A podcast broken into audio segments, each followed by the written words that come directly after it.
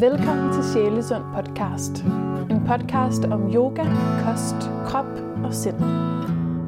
Mit navn er Sofie, og jeg er din vært. Hvis du vil vide mere om mig, kan du besøge min hjemmeside sjælesund.dk. Tak fordi du lytter med.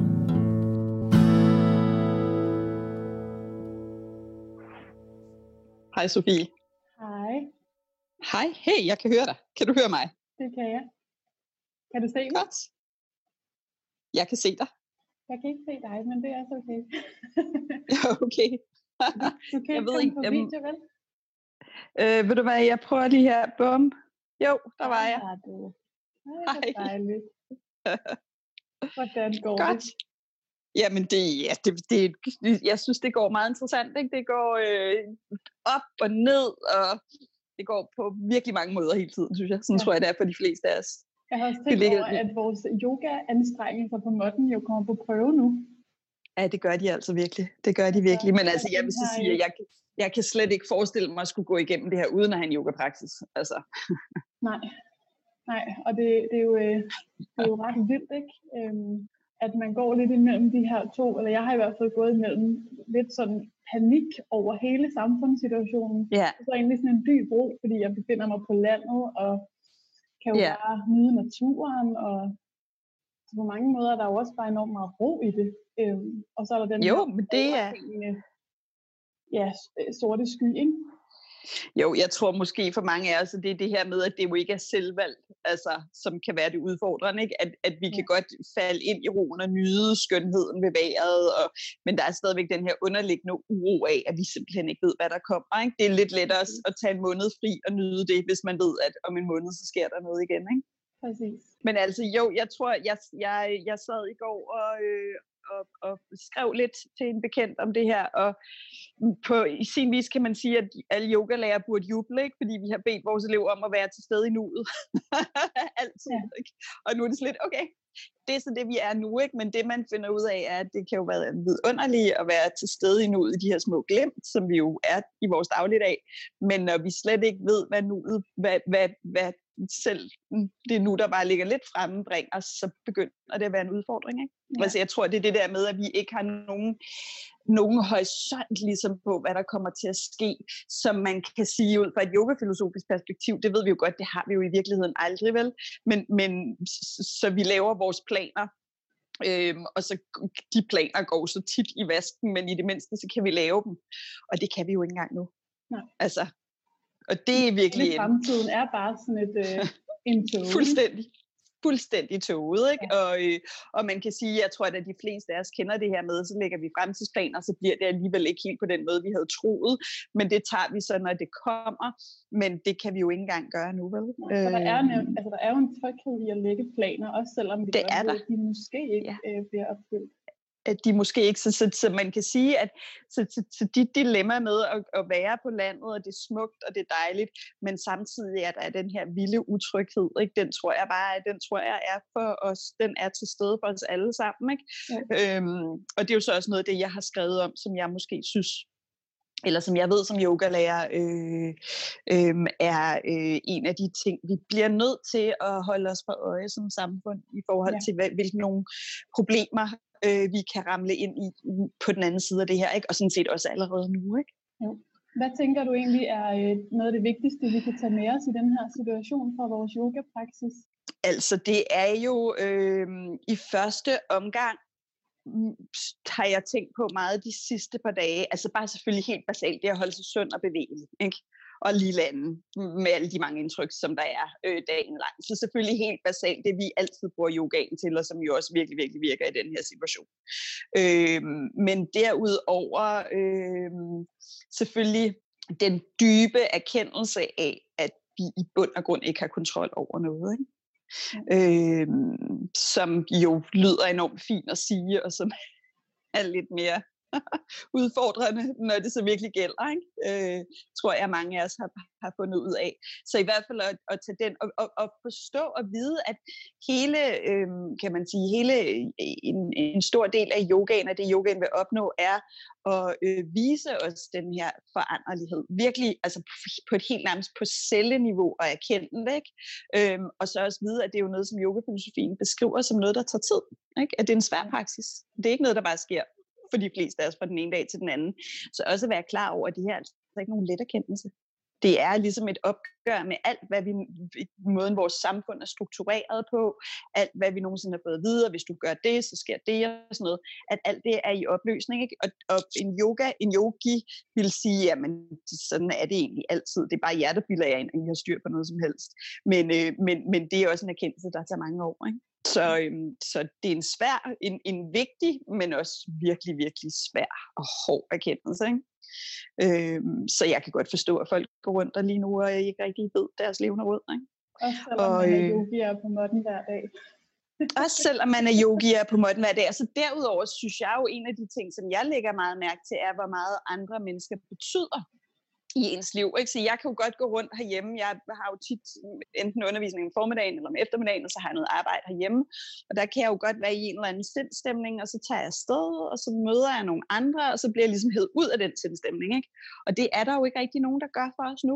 Altså særligt for, for de mange af os, der måske tilbringer en god portion af tiden alene. Ikke? Jeg har bekendte, som vidderligt har været helt mutters alene i tre uger. Ja. Ikke?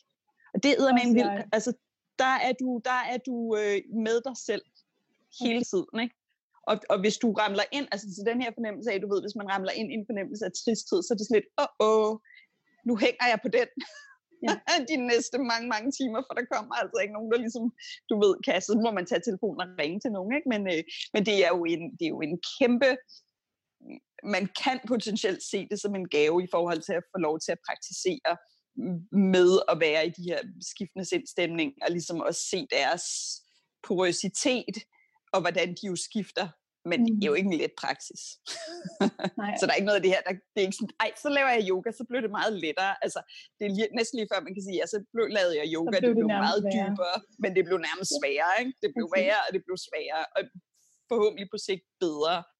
Men, øh, men, men, men altså, mens man er i det, så er der ikke nogen, der skal bilde hinanden ind, at det her det er super, altså, det er på nogen måde let, vel? Nej, og, jeg og tror, det synes jeg også er vigtigt at, ja. at sige. 100 Ja. Og ordet accept har også virkelig stået øh, meget klart øh, for mig tit. Ja. Øh, at det ja. er det, som vi må bruge den her øh, praksis til. Ikke? Altså acceptere, ja. at øh, tingene ja. nu er, som de er. Så ligesom når vi står og kæmper med en eller anden stilling og accepterer, at okay, den kommer ikke til at ske i dag, eller i det her liv, eller du ved, nogen liv nogensinde overhovedet. Og på samme måde, så bliver det jo nu en accept af, jamen altså, der er ikke super meget, vi kan gøre, men så måske også komme lidt ud af den sådan, øh, hvad kan man sige, magtesløshed, som mange også føler sig ramt af, og så lige begynde at overveje, hvad kan jeg egentlig gøre? Ja. Fordi der er jo også ting, vi stadigvæk kan gøre, ikke? Ja. Øhm, selvom det er lidt følsomt om, at der er nogen, der har lyst til sådan ligesom at slukke for os og placere os i vores lejligheder på, med off-knappen på ikke? i fire uger. Sådan er det jo, altså sådan fungerer vi jo ikke som mennesker overhovedet. Så øhm, længe leve jo, jo, jo. Ja, ja. Øhm. Jo, jo, der er jo, altså, at vi kan række ud, og vi jo også yeah. kan, altså det, som jeg synes er, som, som vi jo også har, har snakket lidt om, det, som jeg synes har været måske lidt svært i hele den her fase, det har også været det her med, at der helt fra starten af har været sådan den her meget voldsomme, ingen må sige noget om det her, medmindre de er eksperter. Ikke? Øh, som mm, et stykke hen ad vejen var fint nok, men hvor jeg hele tiden har tænkt lidt, jamen der er jo også eksperter i andre ting end corona, der kunne komme på banen i forhold til, hvad gør vi så, når vi har gået rundt her i en måned, måske endda to måneder for nogen, alene, ensomme, øh, med alle de, alle de problemer, der kan opstå øh, på baggrund af det, også, også sundhedsmæssige problemer. Ikke? Hvordan kan vi der ved noget om det, får lov til at, at komme på banen og ligesom hjælpe. Ja. Og det synes jeg måske har været det, som jeg har været lidt trist over at se, at det har altså fyldt meget, meget lidt. Og vi kommer, øh, i den vi kommer debat. til at snakke en masse mere om det, ja. inden, øh, inden jeg siger lidt omkring, hvorfor jeg har ja. hvorfor ja. jeg har kaldt dig ind til dette ja. lille Corona Special podcast ja. afsnit, øhm, så har jeg bare lige lyst til at sige, at hvis man ikke har hørt det afsnit, som vi to har lavet om yoga-filosofi, så er der yeah. mange gode grunde til at høre det især nu. For jeg synes, yeah. der er så mange gode øh, temaer og emner øh, og sætninger, som passer enormt godt til den her situation, øh, yeah. fordi den er så almen menneskelig. Yeah. Yeah. Hvor vi jo både snakker om frygt og øh, ja, øh, mangel på kontrol og turde slippe den. Og jeg synes bare, yeah. man, vi kommer omkring yeah. en masse ting, som øh, yeah. måske kunne være sådan en lille... Øh, yeah. føle, føle, man kunne tage det i hånden, hvis man, hvis man yeah. hører det afsnit. Må jeg faktisk lige komme med en lille, en lille synes jeg, vildt spændende sidenote det til det?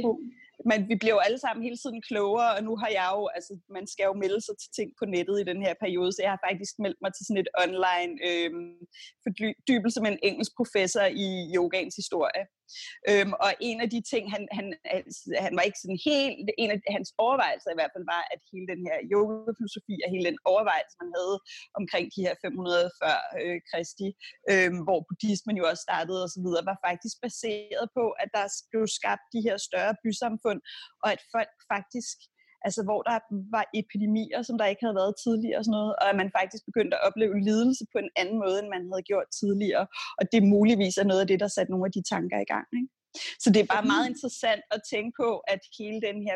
Altså, han, jeg, han har forsket i mange ting. Han havde ikke forsket så meget i det, men det var bare en sidenote, han sagde, at det i hvert fald godt kunne være noget af det, der havde skabt ligesom den her opblomstring af filosofiske overvejelser over, for li- over livet, var simpelthen, at, at folk lige pludselig øh, oplevede livet på en anden måde, og netop oplevede sygdomme på en anden måde, end de havde gjort tidligere. Oplevede lidelse på en anden måde også, ikke? På en lidelse på en anden måde, ja. så man at flere mennesker blev syge og led, og hvad kunne man så, hvordan kunne man ligesom håndtere det, ikke? Ja. Så det er jo bare meget spændende i det, vi, vi, vi, vi sidder og snakker om nu. Jamen altså, jeg tror, hvis man har en eller anden filosofisk øh, interesse, så bliver den nok virkelig antændt i den her periode, ikke? Og det er jo ikke unormalt, at det er der, hvor vi filosoferer lidt mere over livet.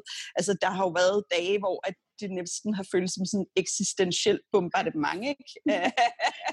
som man så har skulle forholde sig til. Og, og det er jo ikke nødvendigvis skidt, men, øh, men ikke heller let, vel? Det er i hvert fald Men, rart at blive taget lidt i hånden, og ja, høre, så, at der er andre, der tænker det samme. Ja. Og, ja. Så bare en sidenote om, at ja. det er måske ikke helt unormalt, at man begynder at tænke lidt større tanker om livet, når der er nogle udfordringer, man ikke har mødt før. Ikke? Bestemt. Så og, og det, det, det synes jeg bare var spændende. Er det noget, man kan melde sig til? Er det noget, vi kan Ja, altså, øh, det kan du være, jeg kan sende dig et link, det kan man ja. faktisk sange, sagtens, sagtens, altså, man skal, jeg vil sige, man skal være rimelig, man skal være forholdsvis nørdet. Altså, hvilket? For at kunne, øh, så det for, for, virkelig, for virkelig at nyde det, men man kan læse lidt om det, så kan man se, om man er, men altså, det er... Det kunne være det fint er, at linke til det i hvert fald, hvis ja, der er nogen interesseret. Det, det skal jeg nok, det skal jeg nok sørge for. fedt, fedt, fedt.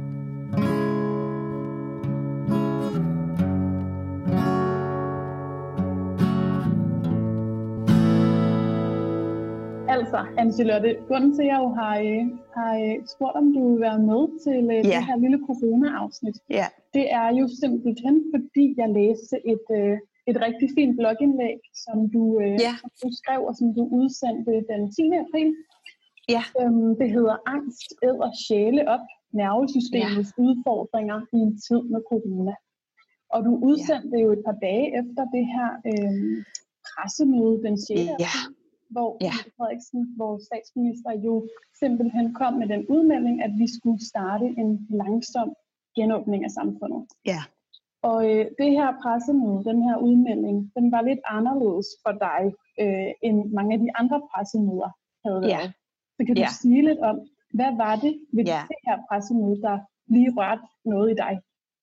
Altså, jeg vil sige det på den måde, at jeg har egentlig igennem hele den her periode tænkt, at jeg ville holde lidt lav profil i forhold til at blande mig for meget i debatten, fordi at der er meget hurtigt, det blev meget hurtigt tydeligt, at, at der var mange følelser hos mange indblandet. Ikke? Og jeg tænkte sådan, okay, men hvad kan jeg gøre? Jeg kan jo så gøre de ting, jeg gør med at undervise noget yoga og lave noget materiale, folk kan bruge, men jeg behøver jo ikke nødvendigvis sådan at udtale mig om, hvad jeg synes.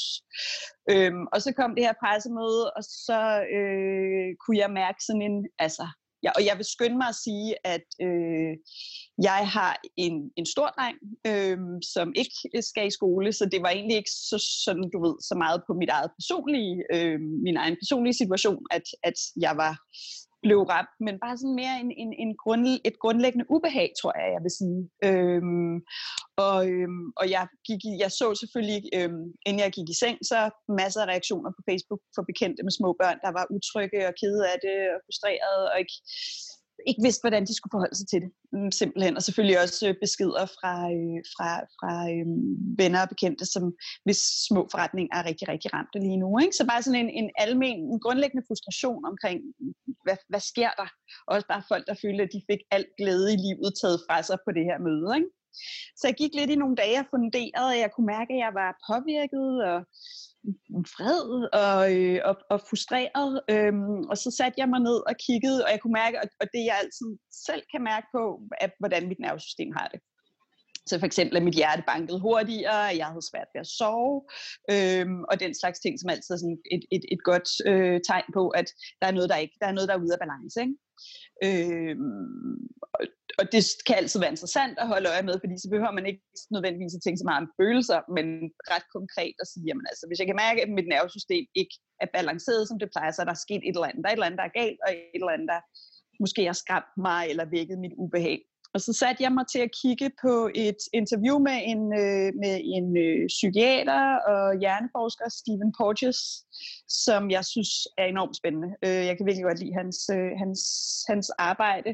Og en af de ting, han snakker meget om, er, hvordan vores mimik og vores måde at interagere med hinanden på øh, påvirker vores nervesystem. Simpelthen fordi er en del af nervesystemet, for ikke at blive alt for nørdet, gå alt for meget i detaljer, men vagusnerven, som er rigtig vigtig i forhold til øh, vores, vores reaktioner øh, ligger tæt op af de andre kranienerver, som alle sammen på den ene eller anden måde innerverer musklet, øh, ansigternes muskler. Så vi simpelthen både øh, i den måde, vi selv bevæger vores ansigter og bruger vores stemmer på, men også den måde, som vi, som vi ser det i andre, vil påvirke vores nervesystem. Øhm, og det er derfor, når vi øh, uddanner yogalærer, så snakker vi om stemmeføring, om ansigtsmimik og sådan noget, hvordan man er med til at gøre folk trygge. Og hele hans idé med at arbejde med nervesystemet er at finde ud af, hvordan skaber vi trygge mennesker, som kan træffe nogle kloge valg. For der sker også det lige så snart vi er utrygge, at øh, kommunikation til den del af hjernen, der gør, at vi kan træffe valg og se forskellige perspektiver, dem bliver simpelthen kottet af, så vi bare alarm reagerer. Ikke? Ja. Og det, som så faldt mig ind i de ting, han så sagde, det var øh, blandt andet selvfølgelig, at hele pressemødet startede med de sædvanlige altså, frygtscenarier. Ikke? Det er farligt, vi er stadigvæk i fare, vi skal stadigvæk passe rigtig, rigtig meget på. Mimikken, ansigtsmimikken, hvis du ser det, er fuldstændig, altså de har ingen, stort set ingen mimik, de er sådan helt stenansigtsagtige, og de har den her enorm monotone stemme. Så alt det vækker simpelthen frygt i folk. Hvilket jo også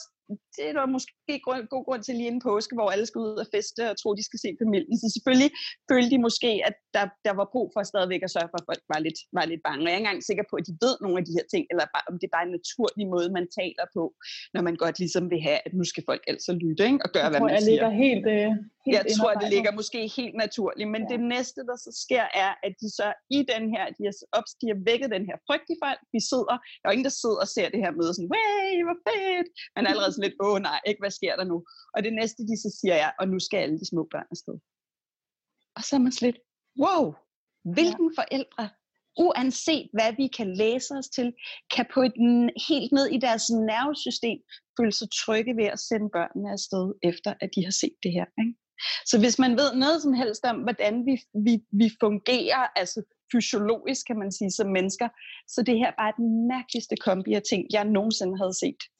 Øhm, og, og, det, og jeg tror, det var det, der, altså, det var det, der først slog mig, og det næste, der slog mig, så var så, jamen ikke nok med, at forældrene er blevet bange, men selvfølgelig sidder alle dem, der nu er ansat til at arbejde med børnene, og jo er også bange. Øhm, fordi en ting er, at man kan sige, jamen, undersøgelser viser, at små børn ikke bliver så ramt, deres forældre er yngre, de bliver måske heller ikke så ramt, men hvad med alle pædagogerne, hvad med alle skolelærerne? Altså, vi ved jo alle sammen, at der er rigtig, rigtig mange derude, der arbejder med børn, som er ældre, ikke? som må formodes måske også at have ældre partnere, der måske er i farezonen. Ikke? Så bare helt der, og det næste, der så kom, var, at og nu skal alle små børn så bare sørge for at holde afstand. Og hvis der er nogen, der kender små børn, ikke? altså de er jo vidunderlige, de stikker fingrene op i næsen, og så stikker de den ind i øjnene på det andet. Altså, det gør de jo ikke. Så, så, så, så at man så tænker, okay, så skal de her børn jo næsten på en eller anden måde skræmmes til at holde afstand. hvad sker der så lige for det, når vi når om på den anden side? Ikke? Hvordan vil de her børn reagere i forhold til sygdom fremover? Ikke? I forhold til deres medmennesker. Altså, så, så bare alt det hele den tanke, igen den her idé om, at vi ligesom er som sådan nogle små robotter, man bare kan sende forskellige steder hen, og så er det fint. Men sådan fungerer det jo ikke, sådan fungerer vores nervesystem ikke. Så jeg vil sige, fra, fra hvad jeg ved om, hvordan vi reagerer i, i forhold til fare, for eksempel, øhm, og en anden vigtig pointe, synes jeg her, er, at når vi møder fare, øhm, som vi ikke føler, at vi kan kæmpe imod, hvilket man må sige er ret meget vores opfattelse lige nu, ikke? Øhm, så, øh, så, så i stedet for at kæmpe, så bliver vi magt, føler vi os magt, altså vi fryser, hvilket kan føles som en form for magtesløshed, eller en form for, at man simpelthen ikke ligesom har mulighed for at interagere med virkeligheden, ikke? at man simpelthen bare er trusset, som i, i, øh, i vores, kan man sige, evolutionære øh, udvikling ville være det samme som, at man spiller død. Altså der kommer en sabeltiger, kan jeg slå den, kan jeg, kæmpe, øh, kan jeg løbe fra den, eller bliver nødt til at spille død, hvis jeg skal have en chance for at overleve. Ikke? Ja. Så ud fra sådan på det perspektiv var det bare meget interessant at se, og også interessant at se, hvad der skete i ugen efter. Øhm, og, så, og, og, og da jeg så skrev det, så var der enormt mange øh, møder øh, til små børn, der henvendte sig til mig og skrev det lige præcis, som jeg har det. Jeg har ikke kunne sætte ord på det. Jeg har ikke kunne forstå, hvorfor jeg har haft det så skidt, og hvorfor jeg har været bange og magtesløs. Og nu forstår jeg det. Ja. Og det var bare, synes jeg, øh, det gjorde mig i virkeligheden lidt ked af det. ja. Fordi at jeg ikke kunne lade være med at sidde med andet end en fornemmelse af, at der sker en eller anden grad af manipulation her, som jeg ikke engang tror er bevidst, men som vi i hvert fald bliver nødt til at snakke om. Ikke? Ja. Og, øhm. og, og sådan, for ligesom at, at opsummere det, du siger, så ja. handler det jo dybest set om, at vi rent rationelt godt ved, at ja. Børnene er jo ikke i fare for at komme øh, i skole. Nej. Men Nej den måde, det bliver formidlet på, at vi først får, får serveret den her tale ja. øh, med enormt meget frygtretorik i sig. Enormt meget frygtretorik, Og så kommer ja. pumpen så, og nu skal jeres børn ud i det ja. her. Øhm, ja. Så er det jo klart, at det planter altså helt naturligt, og som du siger, ja. helt instinktivt, ja. øh, den her skræk. Ja. Øhm, og jeg kunne godt tænke mig at snakke lidt mere om det her med tryghed.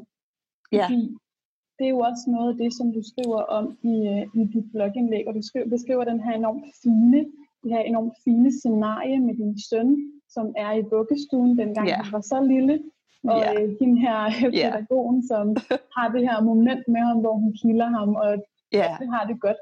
Og så yeah. skifter du ligesom det billede ud med selvfølgelig et skræmmebillede sat på spidsen, yeah. øh, hvor pædagogen så står øh, i sådan en øh, coronadragt. Øh, ja, hvor eller i hvert fald måske en ansigtsmaske, ikke? Ja, og man måske bare kan se frygten i hendes øjne, fordi ja. hun prøver at overholde alle de her øh, ja. retningslinjer fra Sundhedsstyrelsen. Ja. Ja. Hvad er det, der sker med os, øh, når vi ikke føler os trygge? Hvorfor er den her tryghed så vigtig? Altså, den er jo, øh, nu er jeg, jo, jeg er jo ikke selv hjerneforsker, men altså desværre et andet liv måske. Men trygheden, trygheden, altså det som Porges i hvert fald siger, er, at hvis vi, kan man sige, kognitivt skal fungere, altså så hvis vi, vores hjerner skal fungere så godt de kan, øhm, og forstå forskellige perspektiver, kunne se tingene fra forskellige sider, ikke reagere, kan man sige, vi kan kalde det en rygmavsreaktion. Ikke? Hvis vi skal undgå at reagere på den måde, så bliver vi nødt til at være trygge, fordi ellers så er vores hjerner simpelthen ikke gearet til det. Så er de alarmberedskab, hvor vi bare hele tiden altså, vil reagere med frygt. Og den frygt, den smitter jo, og den smitter jo børnene. Det er jo det, vi kan se os, der har haft små børn i hvert fald, at du kan lige så snart du selv har et, er i et, i et humør af den ene eller den anden art, så smitter det dit barn. Hvilket kan være enormt frustrerende, fordi hvis du er ked af det, eller selv er bange, er du ikke nødvendigvis interesseret i, at dit barn også bliver det. Men det gør de. Det er super uretfærdigt, men sådan er de gearet. Ikke? Mm. Så at tænke, at vi kan sende de her små børn ud i en verden, hvor dem, de måske kommer til at møde, at den ene eller den anden grund ikke, grund ikke selv føler sig trygge. Det kan altså sætte sig som, øh, som, som spor. Jeg har et eksempel fra, da min søn han var lille, så var han hjemme hos sin farfar, og i øh, sommerhuset ved siden af var der ildebrand. Og alle de voksne, som ligesom, ligesom var i det område, var enormt bange for, at ilden ville sprede sig. og han havde været der sammen med sin far fra henne ved ildebranden. Jeg tror, og han var, han, min søn er sådan en lille robust, du ved, tumler, som ikke er bange for noget som helst. Han var simpelthen redselslagen for ild i tre år efter, eller sådan noget. Vi var inde forbi Rådhuspladsen, hvor der holdt nogle brandbiler en dag. Hele hans krop begyndte at ryste. Altså at han simpelthen havde, selvom han på ingen måde var et frygtsomt barn, havde taget den her frygt fra de voksne, at de her bare 10 minutter, de havde været ved ildebranden, og den simpelthen blev i ham i overvis efter. Øhm, og, og, det, og det er der, hvor jeg siger, nej, det kan godt være, at børnene slet ikke er i fare for øh, at blive smittet med corona, eller hvis de gør det, så er det ikke farligt. Det er ikke det, der er farligt. Men det farlige er, at eller farligt, men i hvert fald det, der kan påvirke dem, er, hvordan de voksne, de møder, takler det. Og det kan de jo ikke nødvendigvis selv styre, hvis de er i en tilstand af frygt. Okay. Øhm, hvordan det er at komme ind bare i en hverdag, der er fuldstændig anderledes. Ikke? Hvor, at der kun, hvor halvdelen af børnene kun må være der, og at de hele tiden, og, og, og så også det nye var jo, at Sundhedsstyrelsen så sendt ud til forældre, nu skal I fortælle jeres øh, børn, at sådan her voksen, vasker man hænder. Og så øh, var der så en børnepsykolog, der kom ind og sagde, at uh, det ville have været rigtig rart, hvis I havde snakket med en børnepsykolog om det her, fordi det kan man altså ikke forvente, at små børn skal kunne. Så det eneste, I som forældre kan gøre, det er at snakke om, om der er noget, der er anderledes i børnehaven, om pædagogen siger noget andet, om de så gør det. Altså, så hele den her idé om, at for mig i hvert fald virker det ikke som om, man egentlig ved super meget om, hvordan mennesker opfører sig. Øhm, og det, det må jeg indrømme, altså mere end noget andet, så skræmmer det mig hvis noget skræmmer mig, så er det den her grundlæggende manglende forståelse på, hvordan vi som mennesker reagerer, og at man ikke tager det med ind i sine overvejelser over, hvordan man for eksempel kan genskabe, genstarte landet på en måde, så vi føler os trygge, ikke? og vores børn kommer til at føle os trygge. Okay. Så jeg siger ikke, at jeg er bange for, så jeg ved, og jeg ved godt, når der er nogen der forældre, forældre, der har bragt det her på banen, så bliver de kaldt spældmøder og alt muligt. Jeg tror ikke, der er særlig mange forældre, der er specielt bange for corona, men jeg tror, de er bange for at sende deres børn ud i en uoverskuelig hverdag, som er meget, meget anderledes end det, de er vant til. Og utryg. Øh, men, men nogle helt, selvfølgelig helt naturligt utrygge øh, pædagoger og skolelærer, som også er forvirret. Ikke? Og man kan sige, at jeg snakkede med min søn om det, han er sådan lidt, mor, hvorfor sender de ikke de store børn afsted? For vi kan jo godt forstå det. Vi er jo, vi er jo ikke bange, og vi kan jo godt finde ud af, hvad skænder. Hvorfor skal det være de små, der er allermest let påvirkelige? Mm. Ikke? Og det er det, jeg tror, mit problem ligger, at det virker som om, det har man slet ikke tænkt over.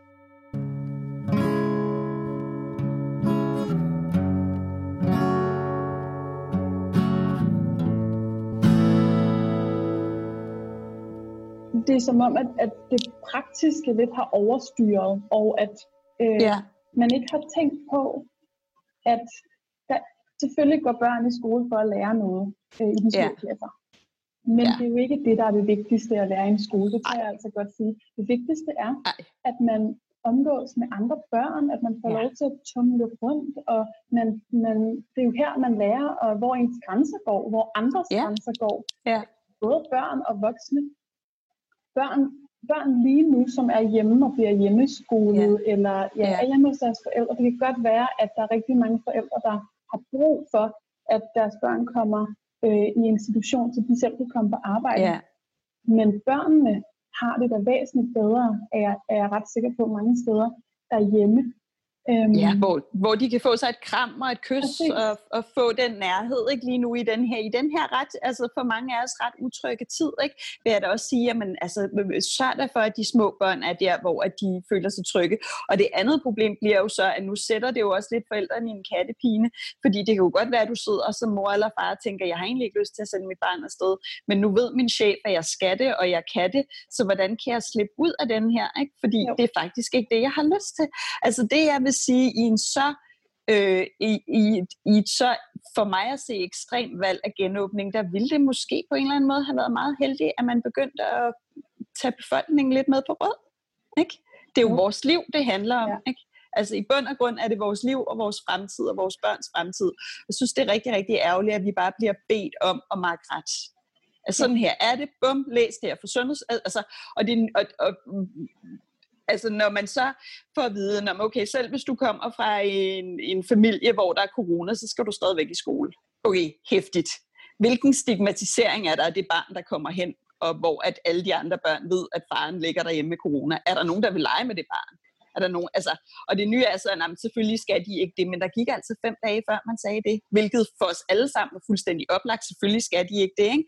Så jeg vil sige, min tiltro til, hvad der bliver sagt fra officiel side, begynder også at blive mindre og mindre. Ikke? Og det er sgu lidt uheldigt. Altså. Ja. Så frygtretorik blandet med, at man skaber mistillid hos befolkningen, ja. fordi man siger et, men faktisk gør noget andet. Ja, eller, eller og igen, og, og, eller også og måske i kombination med bare en fuldstændig mangel på forståelse for, hvordan folk lever deres liv. Fordi det næste var jo så, at de sagde, jamen, så kan den person, der så har det jo bare være isoleret fra de andre, og så kan man jo bare sørge for at gøre ekstra rent. Ikke? Og det er sådan lidt okay, øhm, fordi at så bor man bare på den øverste etage af villaen, og au pairen sørger for at gøre rent, eller hvad? Altså, hvad er det for nogle liv, I tror, vi har? De fleste af de forældre, jeg, familier, jeg kender i København, bor i nogle forholdsvis små lejligheder, ikke? hvor at, altså, hvem skulle gøre det? Og hvor skulle de flytte hen? Ikke? Altså, det er jo, jeg ved ikke. Ja, for mig at se virker det som om, at de måske kunne have godt af at komme ud og møde nogle familier med små børn, og faktisk og se, hvordan en almindelig... Og nogle institutioner. Og det, det, er jo det kan også... faktisk ikke lade sig gøre, det her. Nej, nej, altså Københavns Kommune har jo sagt, at de har slet ikke plads til alle de børn. Og alle, der arbejder og bor i København, ved, at selvfølgelig har de ikke det. Altså det, det siger sig selv, de sidder i små lokaler med rigtig mange børn. Ikke? Så det er sådan lidt, hvordan havde I troet, at det her rent faktisk i, i praksis skulle fungere. Så, øhm, og det er jo så noget andet, men jeg vil sige, for at vende tilbage til yogafilosofien, altså det her med, at man i sin yoga og sin praksis mærker efter, hvad man egentlig føler, og at man så altså tør udtale, og ikke bare sådan, du ved, føle, føle, men, men på sit nervesystem, sin sikkerhed, sin fornemmelse af tryghed, hvad man egentlig føler der, og man så faktisk begynder at tør udtale sig, ikke?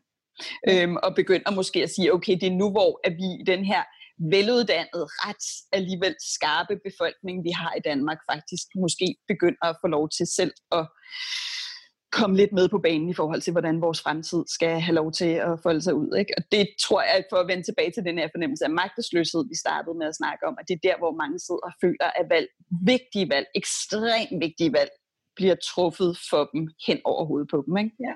Og det er ikke holdbart, tænker jeg, i længden. Det tror jeg, du har ret i. Min kæreste blev ved med at sige, revolutionen kommer, Sofie, bare vent. Nu må vi se.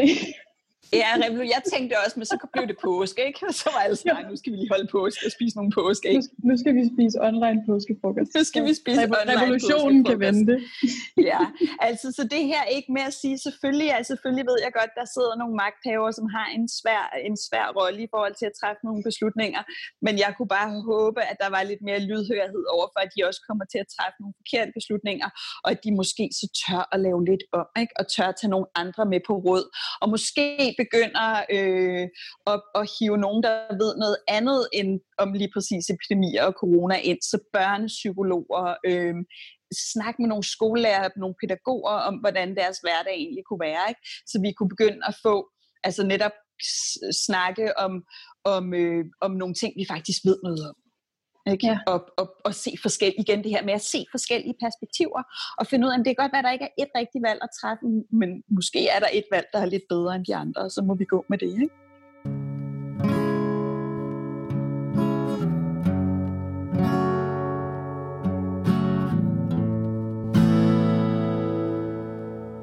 Ja, og jeg synes også, det er vigtigt at fornævne, nu var du selv lidt inde på det, men, øh, men det her med, at, at mange har været bange for at ligesom modsætte sig eller ja. betvivle retningslinjerne, ja. øh, som eksperterne kommer med, ja. af frygt for at blive mødt måske af kommentarer som, ja, ja. du er et ekspert, øh, hold din mund, ja. eller ja. Øh, tænk på alle de læger og sygeplejersker, som sætter livet på spil, ja. og så ja. videre. Og det er jo ikke fordi, man skal, øh, altså det er jo rigtigt nok, øh, ja kæmpe respekt øh, til de ja. læger og sygeplejersker, som, øh, ja. som arbejder øh, for os ja. lige nu. Men, men hvad er det, du efterspørger lidt mere øh, i forhold til det her med, at mange af os føler os lidt, øh, har en lynlås over munden? Ja, jamen også mange af os, der jo arbejder med mennesker øh, og ved, hvilken nogle, øh, ved for eksempel, hvad har, hvilken effekt har de her ekstremt stressede situationer, vi er i. Ikke? Altså for mig at se nogle gange det her med at sige, nu skal I bare alle sammen gå ind og blive derinde. Altså man taler lidt til sådan en fuldstændig perfekt øh, øh, forestilling om en lille lykkelig familie i Danmark, hvor mor og far har det godt og hyggeligt sammen, ikke har mere arbejde, end de kan håndtere, og har to velafrettede børn, som gør, som skolelæreren siger. Ikke?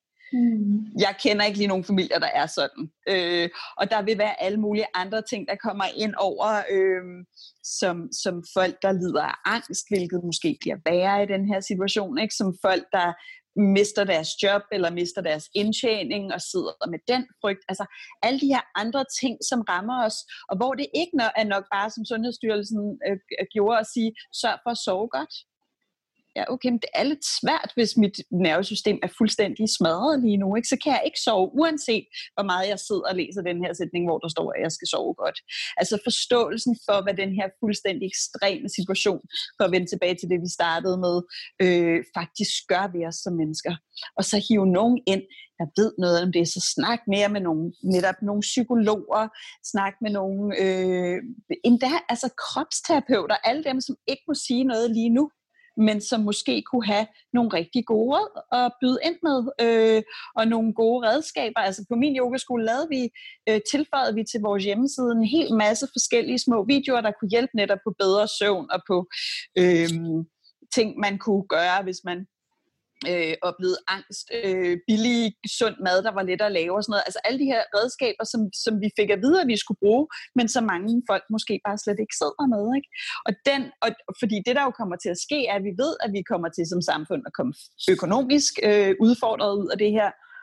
Og sundhedsvæsenet skal måske kæmpe med en hel masse eftervirkninger, som slet ikke har noget med corona at gøre, men har noget med alle de ting, der er opstået i den her fase, som nu har varet en måned, muligvis kommer til at vare en måned til.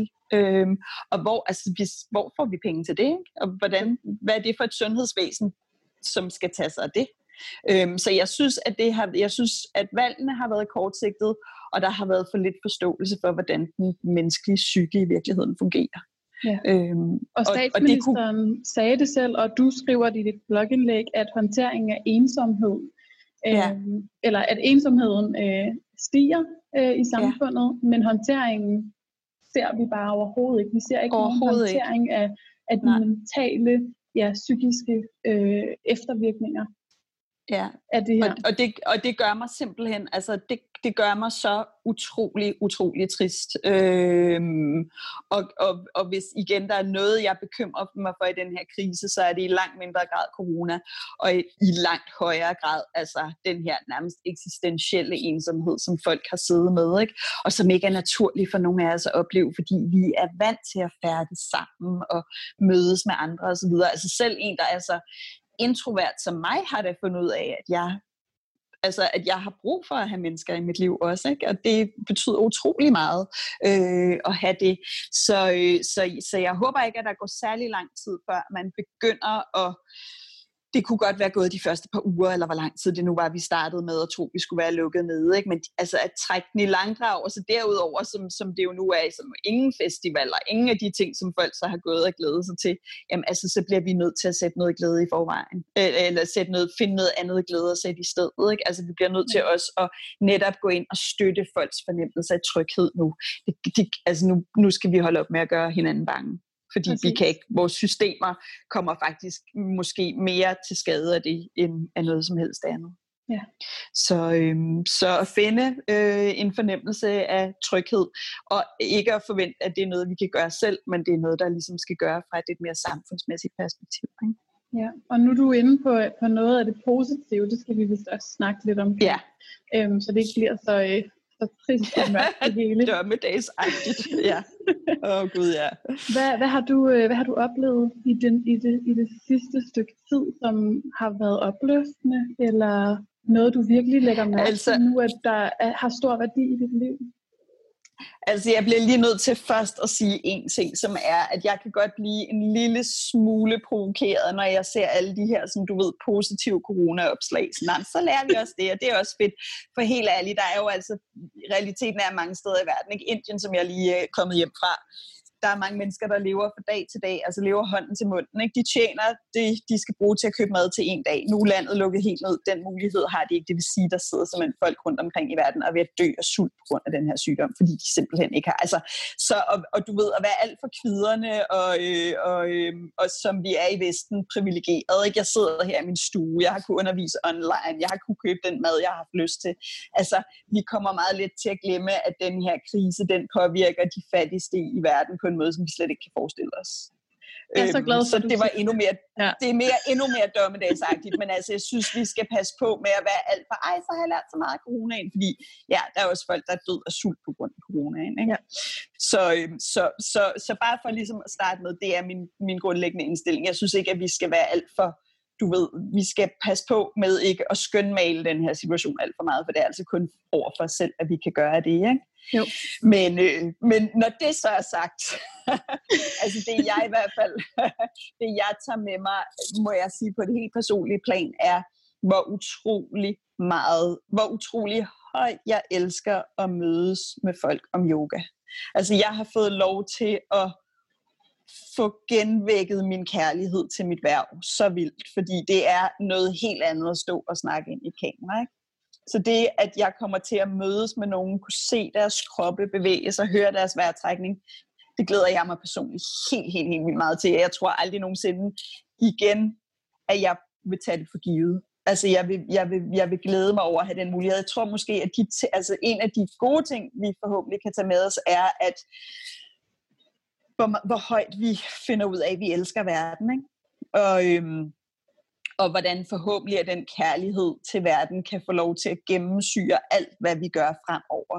Så det vil være en større grad måske af tilfredshed også over for de mere simple ting i livet. Ikke? Altså Mm. bare det, forestille dig, hvor vildt det bliver at kunne sætte dig ind i et tog eller ind på, op på et fly, hvis man gør det, øhm, og stige ud et andet, i et andet land og gå rundt der og se de steder, man elsker. Ikke? Altså for mig, nogle af de steder, jeg holder allermest af, og som jeg ved lige nu er fuldstændig lukket ned. Ikke?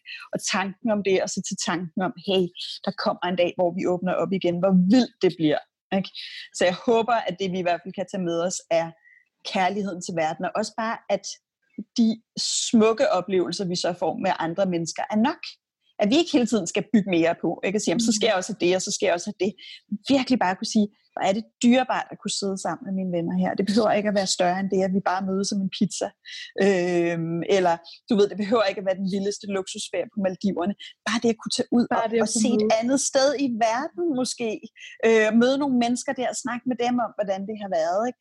Så forhåbentlig tror jeg, at hvis vi får, får noget med os, dem der er os, der er så heldige at kunne det, så bliver det forhåbentlig en styrket kærlighed til verden. Det håber jeg i hvert fald. Ja, Altså, well said. Det, øh, Meget smukt. Jeg tror også, ja. det som jeg har været allermest fyldt af, det har simpelthen været jamen, taknemmelighed. Hvor er, jeg, hvor er jeg privilegeret at leve ja. netop i Danmark frem for Indien. Hvor jeg er Ja. privilegeret, at jeg ikke har mistet mit hjem. ja. Så virkelig en vigtig pointe, at der Ja. er mennesker, som er så meget hårdere ramt, ja. end, øh, end rigtig mange af os herhjemme. Og og igen også, altså, og det vil jeg jo også skynde mig at sige, så selvom jeg føler måske, at, at, at der har været mindre talefrihed, end, end hvad jeg har været vant til i Danmark i hvert fald, så jo stadigvæk, at vi to har friheden til at sidde og have sådan en samtale her, ikke? og friheden til at være kritiske, øhm, og samtidig vide, at vi er et samfund, der i, et eller andet, i en eller anden grad jo giver os en fornemmelse af støtte og sikkerhed i langt højere grad end andre lande. Ikke? Så man kan selvfølgelig også øh, sagtens sige, at det her, det er du ved, luksusproblemer, men derfor synes jeg stadigvæk, det er noget, vi skal være opmærksom på. Ikke? Selvom vi er heldige, og selvom at vi er så meget bedre stillet i Danmark i den her krise, end så mange andre steder i verden, så skal vi stadigvæk være opmærksom på, at det gør ikke, at man kan slippe afsted med hvad som helst. Præcis. fra- Og jeg er så glad for, at du vil være med til det. side. Ja, men det er jeg også, det er jeg også glad for. Og igen bare for at understrege, jeg er ikke, jeg, jeg sidder ikke og er spændt og bekymret for at sende de små børn afsted. Jeg er bekymret for de mentale øh, påvirkninger, det kan have, og som også vil, vil sætte sig på sigt. Og det tror jeg, alle, der arbejder med børn på den måde, og med voksne, vil være enige med mig i. Og det er derfor, vi skal i talesætte det og finde ud af, hvordan kommer vi videre på en måde, hvor vi føler os trygge, fordi trygge mennesker skaber en bedre verden. Så det, så det er det. For Det synes jeg var en god, øh, Stephen en god Porges sætning at, øh, at Ja. slutte med. Trygge mennesker skaber en bedre verden. Så øh, det må vi finde ud af. Vi må finde vores tryghed igen. Jamen altså, Anselotte, tusind tak, fordi du vil, øh, du vil snakke med mig. Jeg håber simpelthen så meget, at den har, øh, den har optaget. Jeg, jeg Ja. krydser virkelig, virkelig fingre og tær. Altså, er der noget, vi mangler at sige? Er der noget, du mangler at sige i forhold til dit blogindlæg, i forhold til øh, alt det, vi har været omkring? Nej, ved du hvad, jeg synes, at, jeg synes, at, at øh, folk skal, øh, skal nyde alle, alle de solstråler, de kan nu her ud i. Ja. Jeg ved ikke, hvornår du ligger op, om solen stadigvæk skinner, øh, når de kommer der til. Men altså, jeg håber da, jeg, jeg snakkede med, øh, med en af mine kollegaer, som, som, som sagde, at, at han var lidt bekymret for, om folk havde var trygge ved at gå ud og øh, lave yoga og få behandling og sådan noget igen, når det her var overstået. Ikke? Og jeg tror bare, at det vigtigste for mig er til sidst at sige, at vi skal altså holde op med at være bange for hinanden. Altså vi skal holde op med at være, vi skal ikke være bange for nærhed, vi skal ikke være bange for at mødes. Altså det, en ting er sygdom, men noget andet er det er altså endnu farligere, hvis vi ikke ser hinanden i øjnene. Det er endnu farligere, hvis vi ikke giver kram. Øhm, fordi at det er jo også noget af det, der nærer dybt, dybt, dybt ind i hjertet. Ikke? Så jeg vil bare slutte af med at sige, at lige så snart vi kan, så skal vi i gang med at kramme igen, og vi skal stå ved siden af hinanden og trække vejret sammen, og vi skal i gang med at være mennesker sammen igen. Ikke? Fordi det er altså det eneste, der gør livet værd at leve. Og når så. du går en tur, kære lytter, ja. så ja. Smil, smil til dine Husk medmennesker. Ja. Husk at smil. Jeg var ude og gå en tur rundt om Bagsværsø i går, og jeg fik så mange smil, og det var det er dejligt, så dejligt. Ja. Fordi corona så, øh, smitter altså ikke gennem smil. Det skal vi huske. Nej, vi skal ikke være bange for at huske. se hinanden i øjnene. Det er virkelig vigtigt, især lige nu. Ja. Så smil, når, nu, når I kan, og øh, lige så snart I kan, giv nogle kram. Yeah. Vi har så mange kram gemt på den der kramkonto. Og så vil så. jeg bare lige aller, aller sidst her sige, at hvis man gerne vil følge dig, så kan man jo det. Jeg har set, ja. du, øh, du sender det live inde på Facebook. Ja, øhm, så hvis det man vil se jeg. dig, så kan man gøre det. Ja, det er inde på Brænde Yoga Shala på Facebook. Ja. Der har vi 3-4-5 øh, klasser om ugen og masser af ting, der ligger, så det må man endelig gå ind og bruge. Men det var dejligt at snakke med dig, Sofie. I lige måde, Antilotte. Kan du have en dejlig dag? Jeg skal nok skrive, når jeg, når jeg lægger det op. Det bliver ikke om alt for længe, det skal jo ud. Nej, det skal Nej, ud den her uge i hvert fald. ja. Kan du have det rigtig godt. Lige måde. Hej. Hej du. Hej.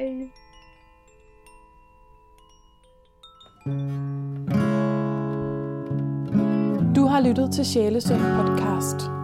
Du kan finde flere afsnit på iTunes, Podimo, Spotify og på min hjemmeside.